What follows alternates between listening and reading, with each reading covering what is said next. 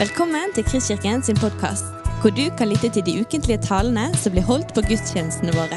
Vi håper denne podkasten vil inspirere og utfordre deg til å kjenne Gud, elske mennesker og tjene vår verden.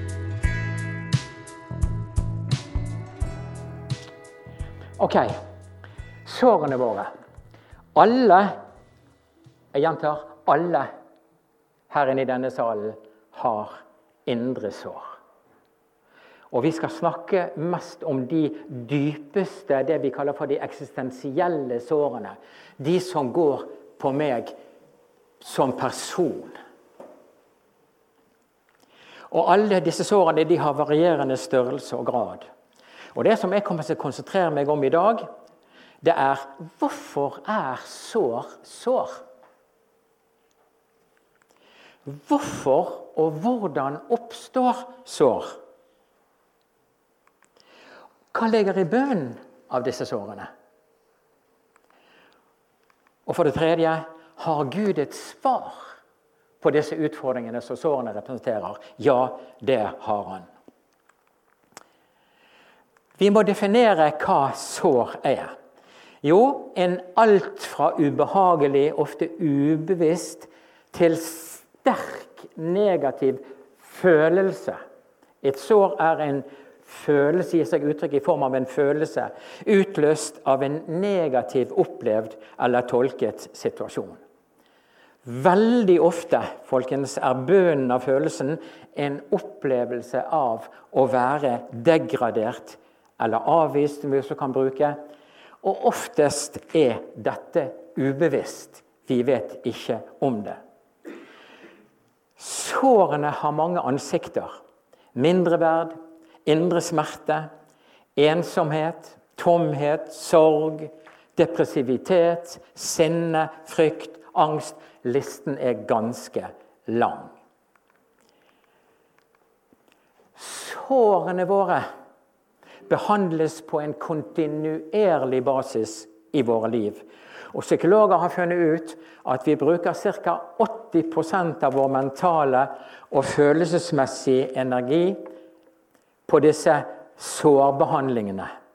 Og det, det viser seg i form av unnskyldninger, late som, overdrivelser, gjennom hobbyer, trening, gjennom spising.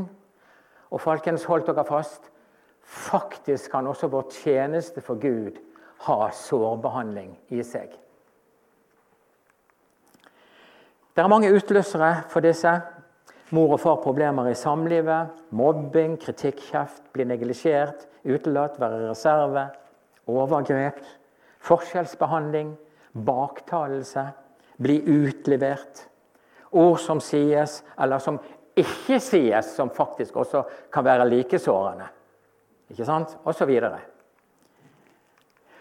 Men opplevelsen av disse sårene er alltid et spørsmål om vår tolkning av det som skjer meg. Og der er det stor forskjell på menneskers sårbarhet. Hvordan og, og hvorfor og hvordan skjer det? La meg prøve å tegne et bilde. Utgangspunktet for sårene våre og nøkkelvers fra Bibelen i forståelsen av mennesket er ordspråkene 23, vers 7 som et menneske, som du og jeg, tenker i vårt hjerte. Slik er vi. Slik er han. Slik er jeg. Og Da må vi definere hva mener vi med hjerte i denne sammenhengen. Jo, hjertet mitt er stedet for mine reelle, virkelige oppfatninger og referanser altså tanker. Og verdisetting vedrørende meg sjøl, andre, verden omkring meg og Gud. Det kan være forskjell på hva hjernen din sier, din bevisste hjerne sier om Gud, og det hjertet ditt sier om Gud.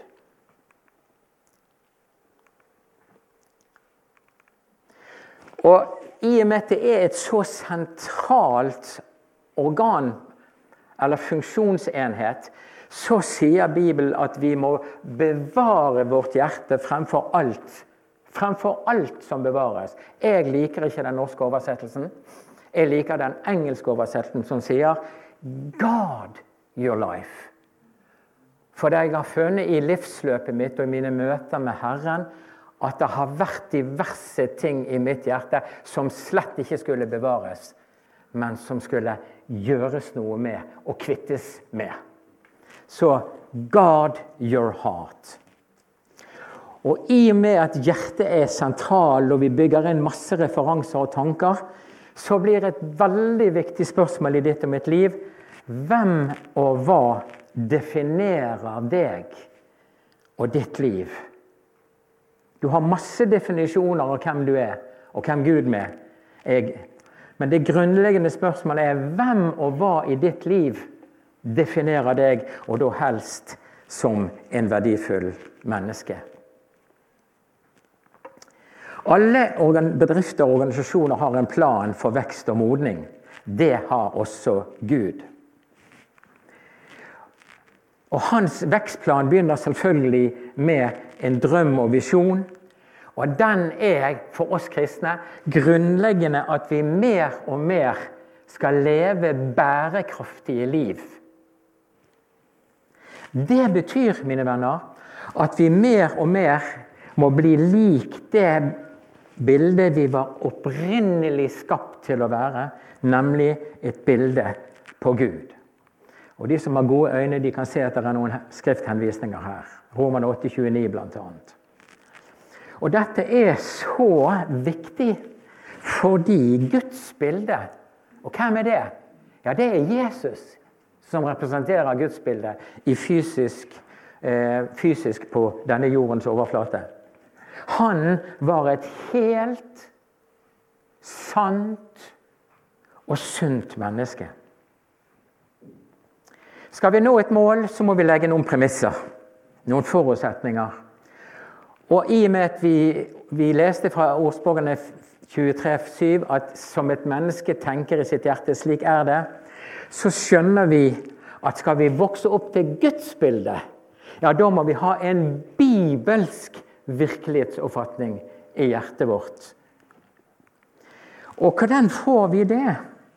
Jo, det får vi ved å kjenne Gud. All sann virkelighetsoppfatning i Guds øyne er knyttet til intimitet med Jesus og Faderen ved Den hellige ånd. I Johannes 8,32 sier Jesus dere skal kjenne på gresk ginosko sannheten, og sannheten skal sende dere fri. Ordet 'ginosko' uttrykker den dypeste form for intimitet mellom to parter.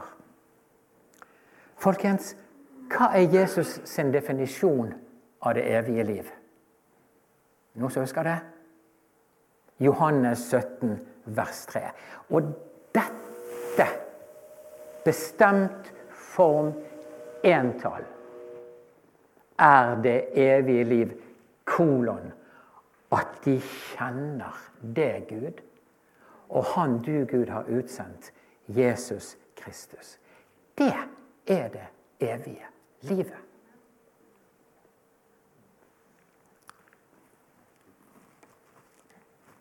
Disiplene de ble forvandlet i denne intimiteten med Jesus. Hva skiller oss fra denne intimiteten med Gud? Ja, Det er et ord vi ikke liker å ta i vår munn, iallfall ikke i samfunnet. Det er vår synd. Og Tone Lise, du snakket jo en del om synd. Men jeg har lyst til å løfte opp Jesus sin definisjon av hva synd er. Johannes 16, når han snakker om Den hellige ånd. Han skal overbevise verden om dom, synd og rettferdighet. Og så kommer han om synd, kolon, at de ikke tror på meg. Hva betyr det? Det betyr at vi tror på noe annet. For vi alle Vi må alle ha nødvendige referanser inni oss. Nødvendige eh, definisjoner inni oss hvem jeg er, og hva livet er, og hva Gud er. Skal vi kunne leve ordentlig, og livet ha retning. Så da blir det en, en eh, viktigste grunn til at vi ikke kjenner Gud, det er faktisk ikke at vi ikke i tilstrekkelig grad kjenner oss sjøl, vårt eget hjerte. Vi blir vår egen verste fiende. Og hør på dette. Så en av våre viktigste oppgaver som kristne det er at vi må rydde vei for Herren. Da må vi bli bedre kjent med vårt hjerte, så vi vet hva vi skal rydde i vårt hjerte. Er dere med meg? Håper det. Hvordan rydder vi? Jo, det viktigste blir å handle på døperen Johannes og Jesus sitt hovedbudskap. Jeg siterer Omvend dere, sa begge to, og Jesus sa i tillegg, og tro evangeliet. Altså ha evangeliet som virkelighetstanker i hjertet. Omvendelse, hva betyr det? Jo, det betyr å ta oppgjør med løgntanker, usannheter. Det vi kaller for vantro i hjertet vårt. Og erstatte disse med gudssannheter. Og Romerne 12,2 understreker jo dette. Skikk dere ikke lik med denne verden, men bli forvandlet ved fornyelsen av eh, skulderen din, av ditt sinn. På engelsk står det 'mind', som du tenker. For det er slik du er. Vi snakker altså fortsatt om hvorfor og hvordan vi får indre sår. I Salme 8,5 så reiser han dette spørsmålet. Hva er da et menneske? Hva er du? Og Da skal vi gå litt raskt videre og se på enkelte ting her. Vårt liv, du og meg, vi blir primært til i våre relasjoner. Og Her ser vi forskjellige typer relasjoner. Stort sett positive, vil vi si. Men hva som skjer på dette store bildet, det vet vi ingenting om. Men uansett disse møtepunktene gjør noe med oss. Okay? Når Gud skapte mennesket, så tok han litt støv og formet en kropp av det. Så pustet han sin ånd inn i denne, dette støvet, og mennesket ble til en levende sjel. Sjel forstår vi som tanke, vilje, følelser. Det skriver eh, eh, eh Paulus litt om.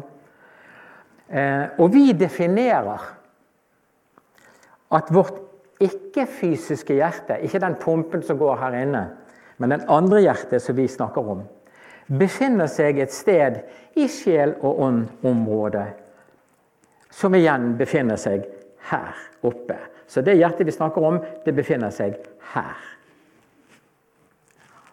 Vi skal kort se nærmere på tre elementer ved sjelen. Vi skiller mellom tanke og vilje og følelser. Og Tanken igjen kan vi dele inn i bevisste tanker, og de utgjør bare 10-15% av alle tankene vi tenker. Hallo, folkens! Mens våre ubevisste tanker utgjør 85-90% av alle tankene våre. Og hør, de er 30 000 ganger raskere enn våre bevisste tanker. Det er ganske heftig. Hva med følelsene våre? ja, de definerer vi som symptom og budbærere på en måte hjertet vårt tenker på. Du føler ikke en følelse uten at du først har tenkt en tanke.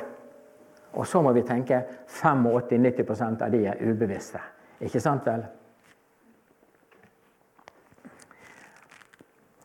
Ingen gjør deg sint. Hallo? Hva mener du? Men Forholdet kan godt legges godt til rette for at ditt hjerte velger å bli sint. Og igjen skjer som regel helt ubevisst. Du blir bare sint. Ikke sant vel? Ja, Så det går lynraskt. Hva med viljen vår? Ja, Den må leve i spenningsfeltet, særlig mellom våre bevisste tanker. Jeg vet jo at det er rett jeg skal leve sånn, doktor. Men når jeg var i den situasjonen og det var røykeavvenning, så kom disse elendige følelsene opp igjen, og så klarte jeg ikke å stå imot. Så viljen jeg lever i et spenningsfelt. Hvorfor sier jeg at vi velger eh, å la oss såre? Du blir ikke såret. Du, ditt hjerte velger å la seg såre. Der sa den for lengst avdøde, men fortsatt verdenskjente jødiske psykiateren Viktor Frankel, som overlevde Auschwitz, oppdaget et viktig prinsipp med oppholde i det helvete som fangeleiren representerte. Han kalte det for 'den siste av menneskelige friheter'. Og hva går det på? Jo, og hør på han. Dette er blitt veldig anerkjent eh, prinsipp. Vi, du og meg, har frihet til å velge vår respons på ting som hender oss i livet. Han sa at tyskerne kunne ta fra meg alt. Absolutt alt. Bortsett fra det. Min frihet til å velge min respons på det som skjer i denne leiren. Så hør, folkens. Vi må ut av offerrollen. Det er ikke din fars skyld eller den vanskelige naboen eller læreren som ikke grep fatt i ditt og datt. Det er faktisk vårt eget hjerte som valgte. Og nå, når vi er voksne, så stiller Gud oss til ansvar for hva ser du at du har bygget inn i hjertet ditt. Så la oss gå videre på Guds vekstplan. Det neste trinnet etter visjon, mål og premisser er at vi må gå i prosess. Og Nå vil jeg spørre dere hvordan begynte Gud prosessen med å vinne mennesket tilbake til ham? Jo, ved å stille to spørsmål. Det første var Hvor er du, Adam? Hør, hvorfor tror dere at Gud den allvitende, som vet utmerket godt hvor Adam er, stiller mennesket dette spørsmålet? Jo, for at han ønsker at vi skal søke å forstå hvor vi er. I betydning hva skjer i mitt liv? Og hvem er jeg egentlig for Og nå må dere høre godt etter. Der Adam og Eva befinner seg, det var et resultat av hvem de var. Ok? Et eksempel fra praktiske livet. For at vi skal finne veien ved bruk av kart og kompass, så hva er det kritiske punktet? Jo, at man vet hvor vi befinner oss på kartet. Så vi kan sette kompasset ned på riktig sted. Hør, vi må få ting på rett plass i livet. Ellers kan det gå med oss slik det skjedde da en stor bank for en del år siden skulle åpne en ny filial i Oslo. De fikk mange hilsener til banken, bl.a. blomster. Og, og på en av blomstene så sto det vår dypeste medfølelse i sorgen. Oi, oi. Her skjønte banken at det var skjedd en ombytting, og ringte blomsterhandleren, som ble veldig ulykkelig. Alle gjør feil fra tid til annen, så dette skal ikke du ta så tungt, sa banken. Takk for det, svarte blomsterhandleren, men, men det var nå ikke først og fremst dere jeg tenkte på. Men de som fikk deres blomster for på dem sto det 'Lykke til i nye lokaler'.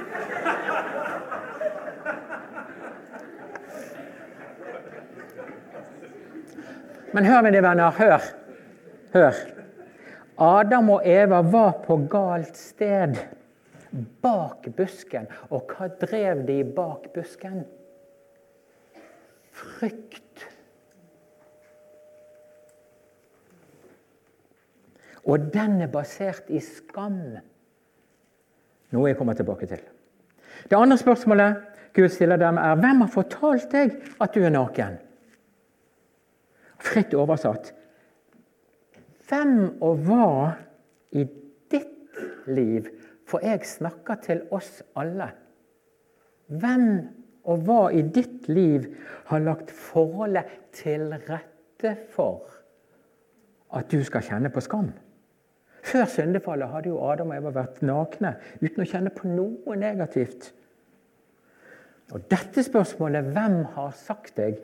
det handler om min og din livshistorie. Vi har alle en livshistorie. Våre møter med mennesker og hendelser.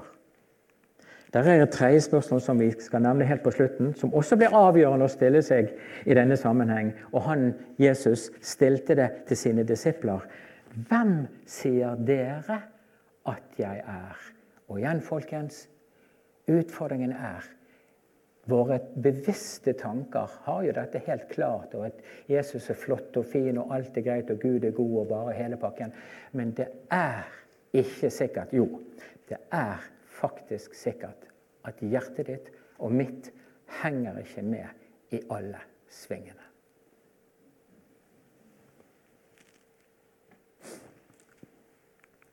Nå skal vi kort studere et interessant fenomen og svært viktig element i menneskets hjerte, som vi kaller for tomrommet vårt. Jesus er i Jerusalem på løvhyttefesten, en svær fest. Masse folk. Vi leser fra Johannes kapittel 7, vers 37. Dere kan disse versene. På den siste dagen i høytiden, den store festdagen, sto Jesus frem. Han satt ikke, han sto sto frem, og han snakket ikke. Han ropte. Den som tørster, han skal komme til meg og drikke. Vers 38. Den som tror på meg, fra hans indre. Den som tror på meg. Fra hans indre skal det, som Skriften sier, renne elver av levende vann, og han snakket om Den hellige ånd. Av sammenhengen i vers 37 så skjønner vi at dette budskapet han kom med, det var kjempeviktig. Ordet på gresk som er brukt om hans indre, er koilia. Det trenger ikke du huske etter denne, denne gudstjenesten. Det, men det betyr bokstavelig et tomt rom. Men hør dette rommet som Jesus beskriver, og som han indirekte sier at alle vi har Det er slett ikke tomt. Det er smekkfullt. Det er fullt av andre tanker enn Guds. Hør, i Romane 1 snakker Paulus om dommen over hedenskapet. I vers 21 på slutten der sier han om mennesket med sine tanker endte de i Få høre tomhet. Men det var jo tanker. Men de defineres som tomme. Og hør, og deres uforstandige hjerter ble formørket. Og så fortsetter han i vers 25. De, altså mennesket, byttet ut Guds sannhet med løgn kall det vantro, og tilba og dyrket det skapte i stedet for skaperen. Dette er det grunnleggende syndefallet handler om. Alle vi har et sånt tomrom. Men ved det Bibelen kaller for helliggjørelse, kan vi ved en prosess bli mer og mer lik Jesus, vårt opprinnelige design. Og hva blir resultatet av det? Jo, sår blir leget. Og Den hellige ånd kan i større grad strømme ut fra vårt, våre liv. For å forstå hva dette tomrommet er for noe, og hvordan det oppstår, må vi se på hva som er menneskets våre grunnleggende personlige behov. Skal vi ha det relativt bra med oss selv og fungere rimelig bra psykososialt, er det to kvaliteter som vi er helt avhengige av å besitte, i alle fall til en viss grad. Den første kvaliteten er opplevelsen av å være ubetinget elsket. Det settes ikke noen krav til hva du skal prestere eller gi. Den andre kvaliteten er en opplevelse av å være betydningsfull. At din eksistens betyr noe på denne jordens overflate. Gå inn og se på sosiale medier hva som legges ut der. Vi hører ropet fra menneskets hjerte. Se meg! Sant jeg er kul? Sant jeg er viktig? Disse to elementene er grunnlaget for at vi skal kjenne at vi har verdi. I alle fall til en viss grad. Og det er nettopp opplevelsen av verdi som er vår aller viktigste og dypeste anliggende i livet vårt. Jesus hadde også behov for å få dette bekreftet. Og det var disse to tingene, ubetinget kjærlighet og betydningsfullhet, himmelen talte over hans liv da han ble døpt. Vi kan dele verdibegrepet inn i tre ulike kategorier.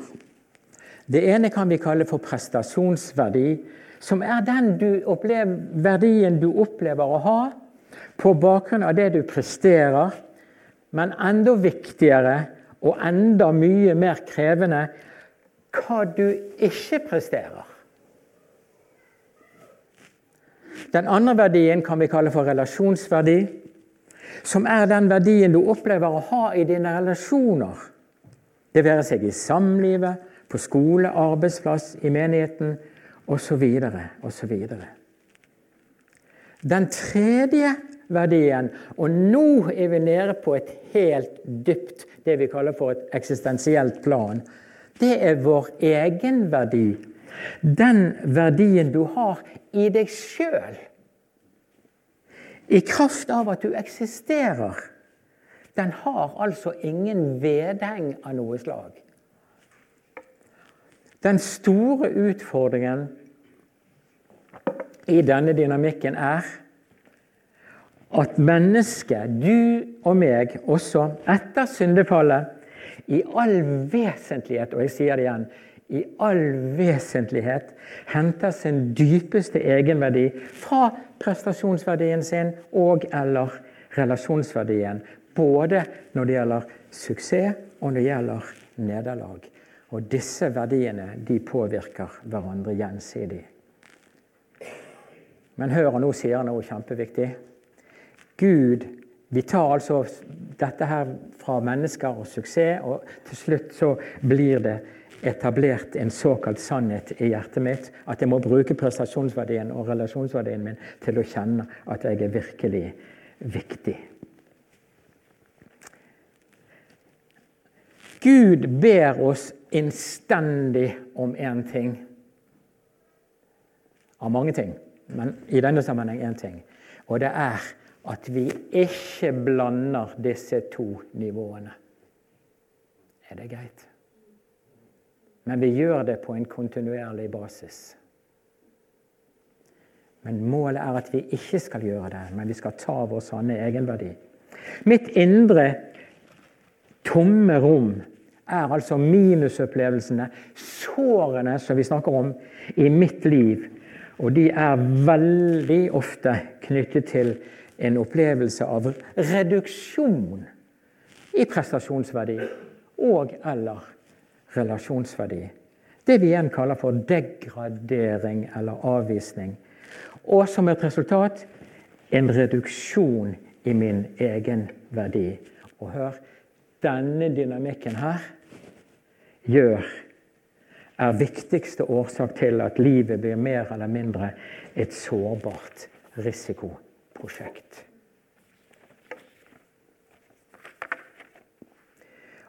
Alle mennesker har historier om opplevelser som påvirker vår oppfatning av oss selv negativt. La meg være litt personlig med dere. Jeg fikk aldri bekreftelser fra min far uten at de var knyttet til en eller annen prestasjon. Så jeg bygget inn en dyp usikkerhet, et sår i mitt hjerte, fordi jeg lærte tidlig at skulle jeg være verdifull, måtte jeg prestere. Men jeg presterer jo ikke like godt hver gang. Og noen ganger presterer jeg litt negative ting. ikke sant vel? Så da har jeg en utfordring. Og dette at jeg begynte å ta min sanne, dype egenverdi fra hva jeg presterte, det fikk igjen mange negative konsekvenser i mitt liv. Eh, Bl.a. når det gjaldt prioriteringer i samliv og ekteskap og familieliv. Noe som igjen hør, la forholdet til rette for at Marit og barna lot seg såre. Så her ser vi at sår går fra generasjon til generasjon. Tomrommet er løgnens, vantroens og skammens og smertens, altså sårenes rom i våre hjerter. Dannelsen av dette tomrommet fører derfor til at vi alle er bærere av en større eller mindre usikkerhet dypt i vårt hjerte hvorvidt vi er verdifulle eller verdifulle nok. Hva nå det måtte bety når det gjelder vår dypeste egenverdi. Bibels klare og frigjørende budskap er at uansett hva slags prestasjonsverdi du måtte ha, eller relasjonsverdi du opplever å ha, så har du den en uforandret verdi som menneske. Skrelt vekk alt. Og den er satt der ifra evighet.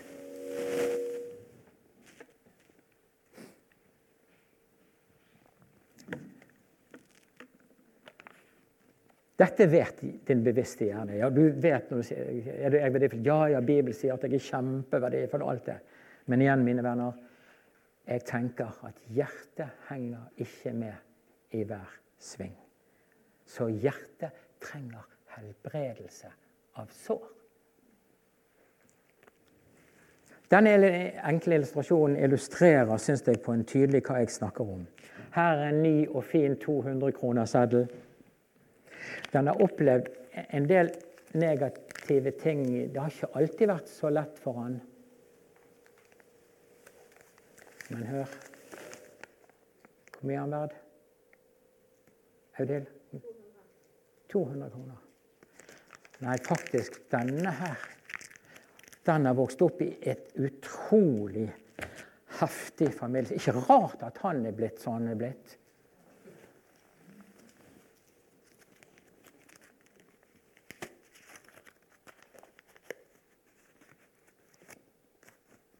Er han verdt? Jeg vet ikke hvor du kommer fra. Jeg vet ikke hva du svarer på på Guds andre spørsmål i Edens hage. Hvem har fortalt deg? Hvor mye er du verd?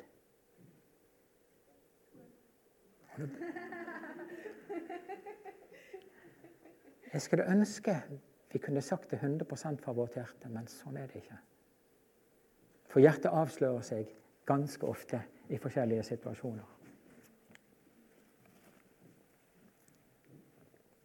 Det er legitimt å kjenne smerte og sorg når vi ikke lykkes i våre prestasjoner, eller når vi opplever oss avvist og degradert i vår, i vår relasjonsverdi.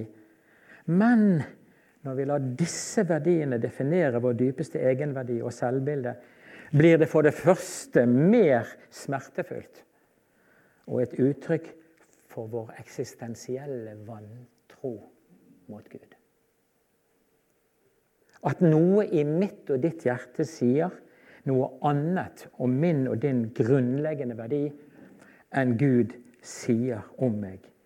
Det blir min skam, og den må jeg omvende meg fra.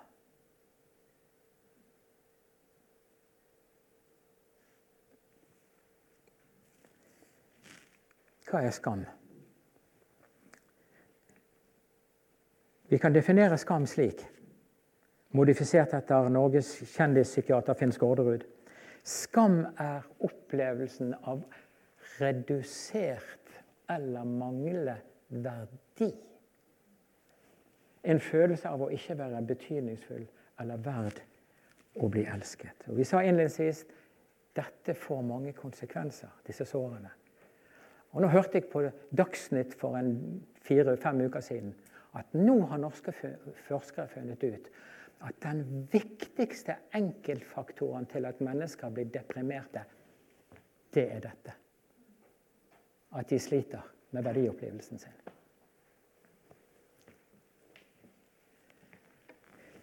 Skammen kommer i mange utgaver og grader. Alt fra å være flau, føle seg pinlig berørt, til å være tråkket på.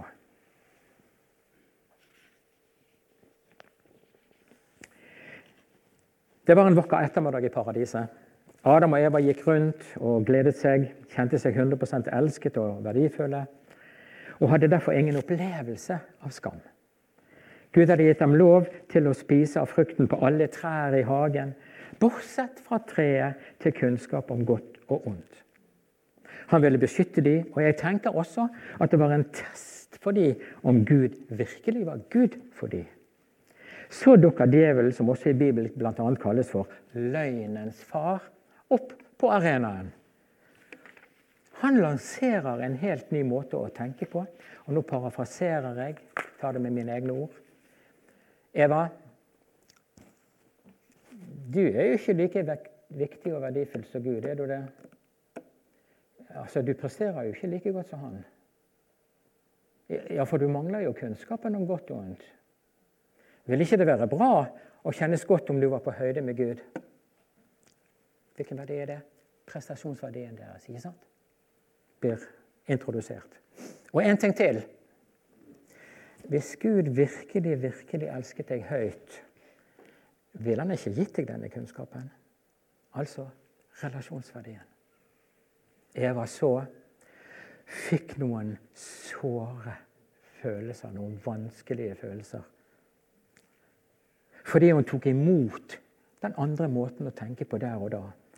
Og Hun tok av frukten, og de åt begge to. Skammen og hør, og våre indre sår var nå etablert. Nå har de flyttet sin verdiopplevelse bort fra Gud og lagt den i egne og i andres hender. De lever sammenligningsvis, og verdikampen er i full gang. Den har fulgt mennesket siden, og vi kjenner alle bevisst eller ubevisst på byrden av sårene den representerer i våre hjerter. Vi kan sammenligne våre liv med en behovs- og lengselsbeholder. Der blåfargen representerer de behov du opplever å få tekket. Vi skulle vel alle sammen ønske at alt forble blått, skulle ikke vi det? Men sånn er det jo ikke. Slik er jo ikke livet.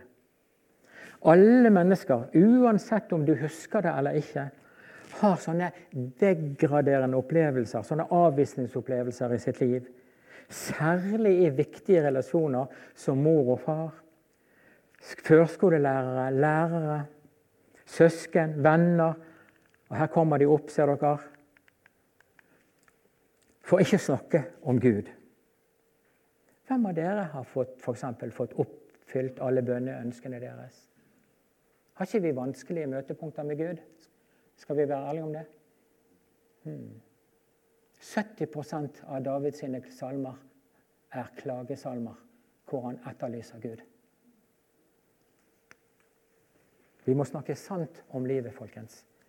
Ikke late som.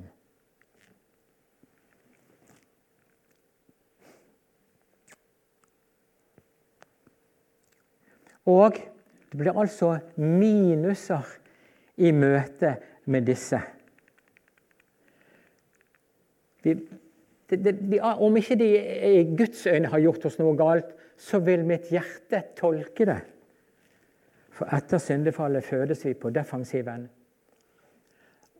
Og vi tror ofte mye lettere på det som er negativt om meg, enn det som er positivt om meg. Og Psykologer har funnet ut at for hver negativ ting du tolker om deg, så trenger du mellom fem og ti positive input for å balansere den ene negative. Så tomrommet mitt, ditt og mitt tomrom, hva er det? Jo, det er summen av alle disse vanskelige møtepunktene i livet vårt. Vi har tomrommet alle, og jeg vet ikke hvor høyt, hvor stort ditt tomrom er.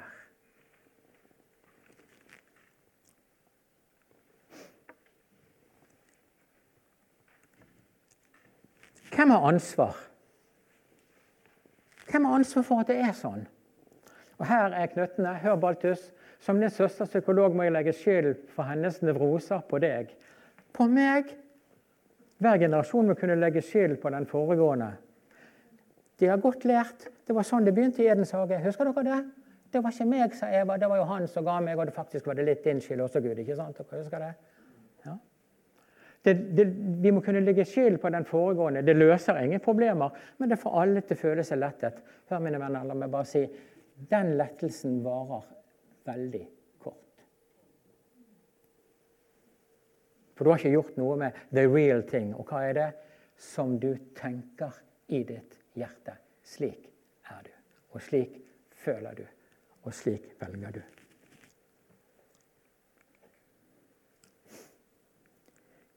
Hva er Guds svar på dette? Og nå skal vi etter hvert bevege oss inn for landing. Hvem sier dere at jeg er? Mange psykologer vil være enig i at den største utfordringen i vårt liv er skammen, altså tomrommet mitt.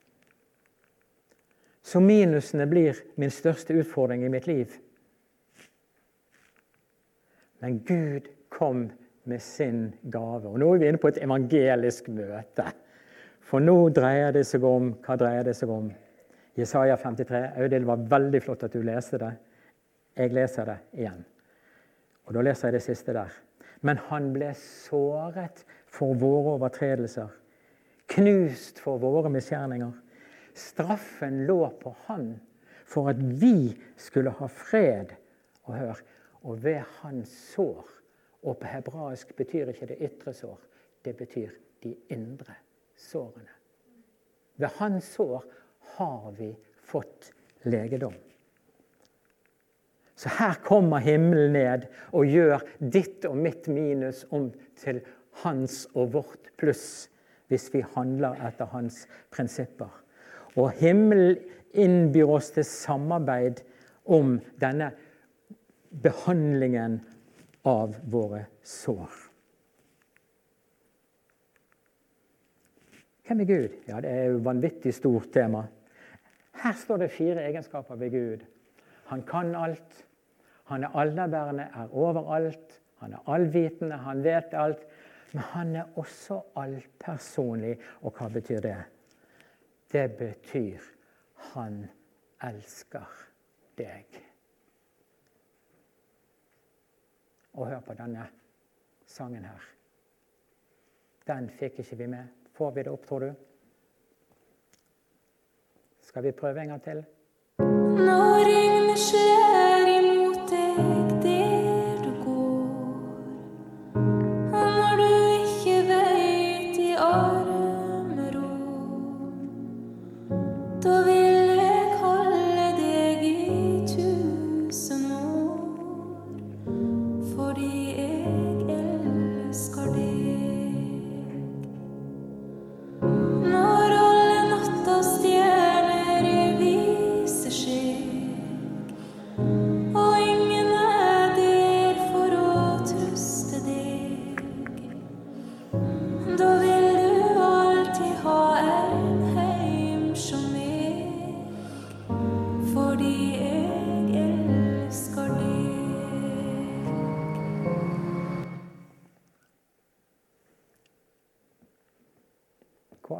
sint er du? Egentlig. Ja, jeg, jeg, dere skjønner at jeg snakker om hjertet ditt og mitt nå. sant?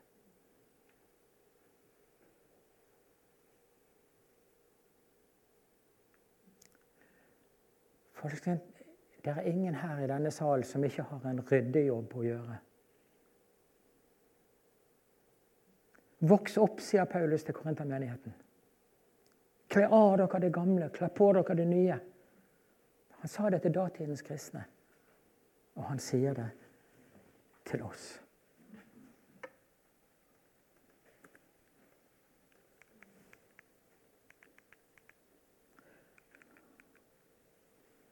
Guds svar er bevissthet om tomrommet, oppgjør og tillit. La oss kort se på det. Vi må velge å ta et oppgjør med vantroen i tomrommet gjennom omvendelse i hjertet vårt. Det handler seg om å rette seg mot Den hellige ånd. Skal, hva skal han gjøre? Han skal gjøre mange ting. Men han skal bl.a. veilede oss til hele sannheten. Det er en av hans mange oppgaver. Vi må altså få åpenbaring på hjertenivå og erkjenne tomrommet. Og så må vi altså omvende oss. Altså ta av det gamle mennesket. Og det gjør vi ved å be Herren om tilgivelse for at vi ikke har trodd det han sier om oss, i rom i mitt hjerte. I områder av mitt liv. Og så må vi også velge å tilgi de som har lagt forholdet til rette for at hjertet mitt valgte inn løgner. Altså at hjertet mitt lot seg såre. Hvis det har skjedd en urett mellom mennesker, så skjer det en binding mellom disse menneskene. Og du har erfart det. En type som ikke har kommet deg og bedt om tilgivelse. Du er nede på Tovermenning, 50 meter nede. Så ser du vedkommende komme, og hva skjer i deg? Jeg kan garantere deg 99,9% sikkert hvis ikke du har ettergitt, tilgitt et menneske.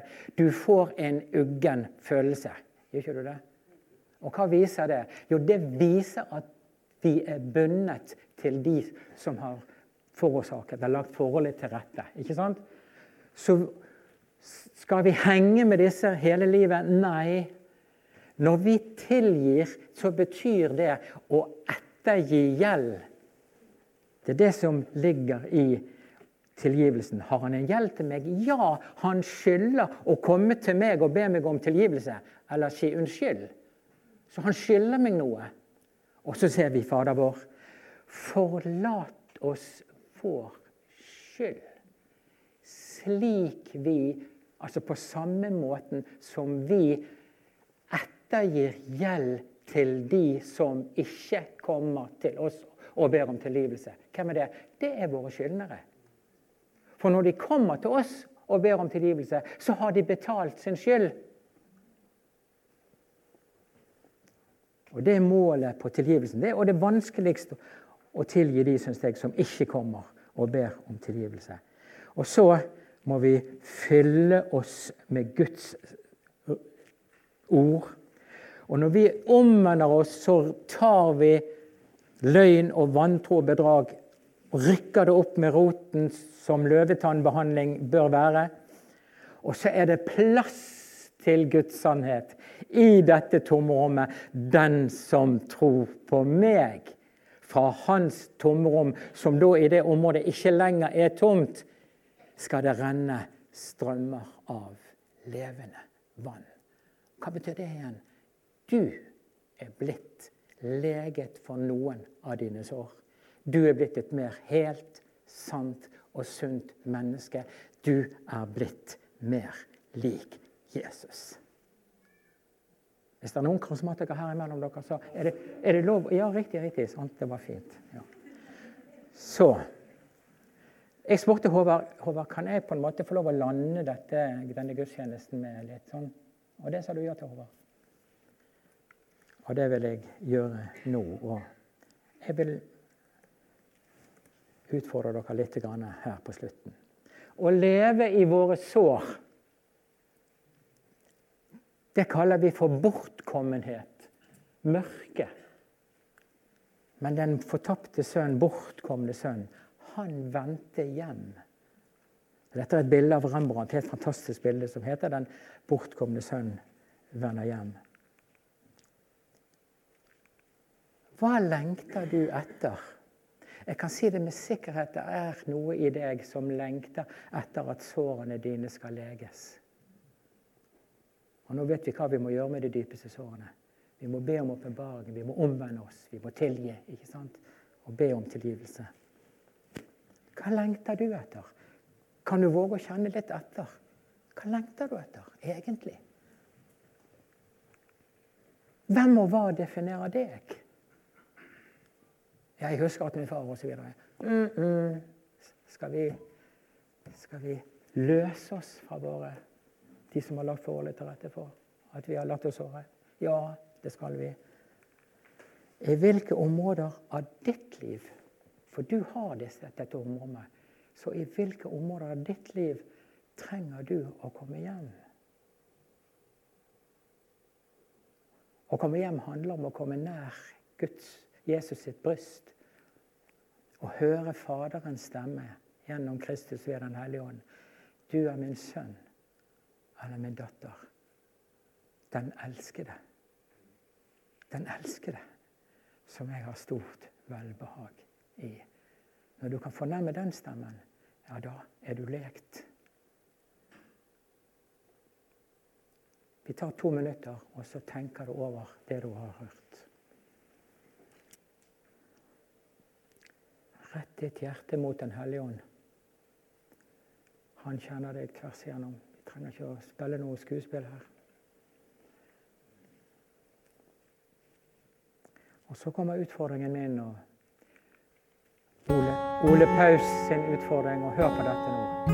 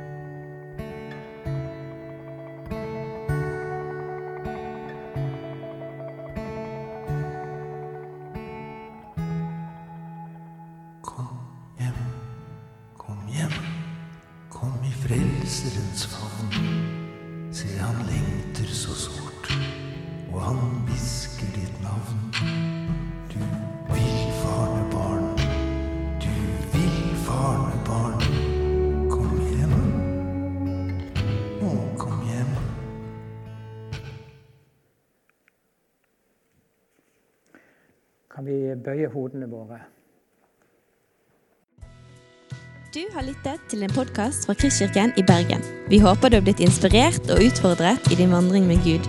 Vil du vite mer om oss, så klikk deg inn på kristkirken.no.